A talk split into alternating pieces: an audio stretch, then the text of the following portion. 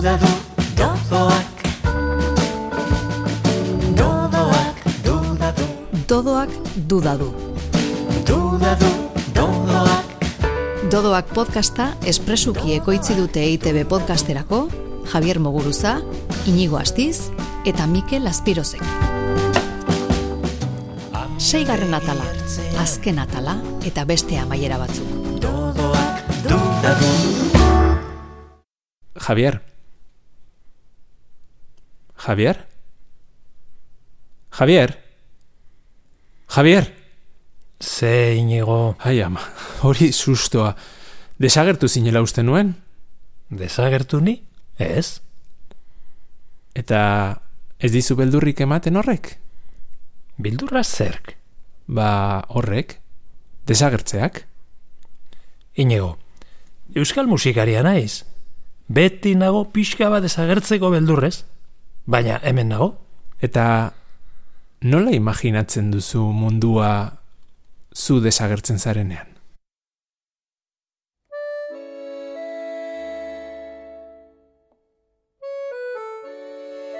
Galdera zailak egiten dituzu gero. Baina begira, kontatuko dizut errinozeroaren istorioa. Errinozeroarena? Zer?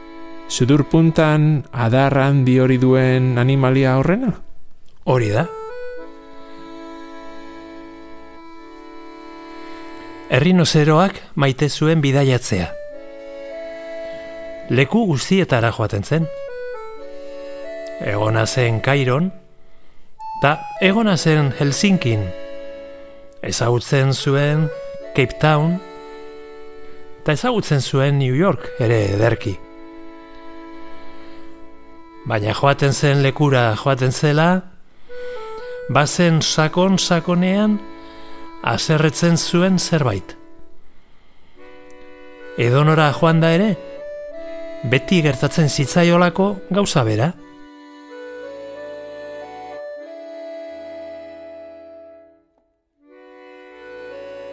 Joaten zen Parisera, eta ikusten zituen Eiffel dorrea eta Notre Dame.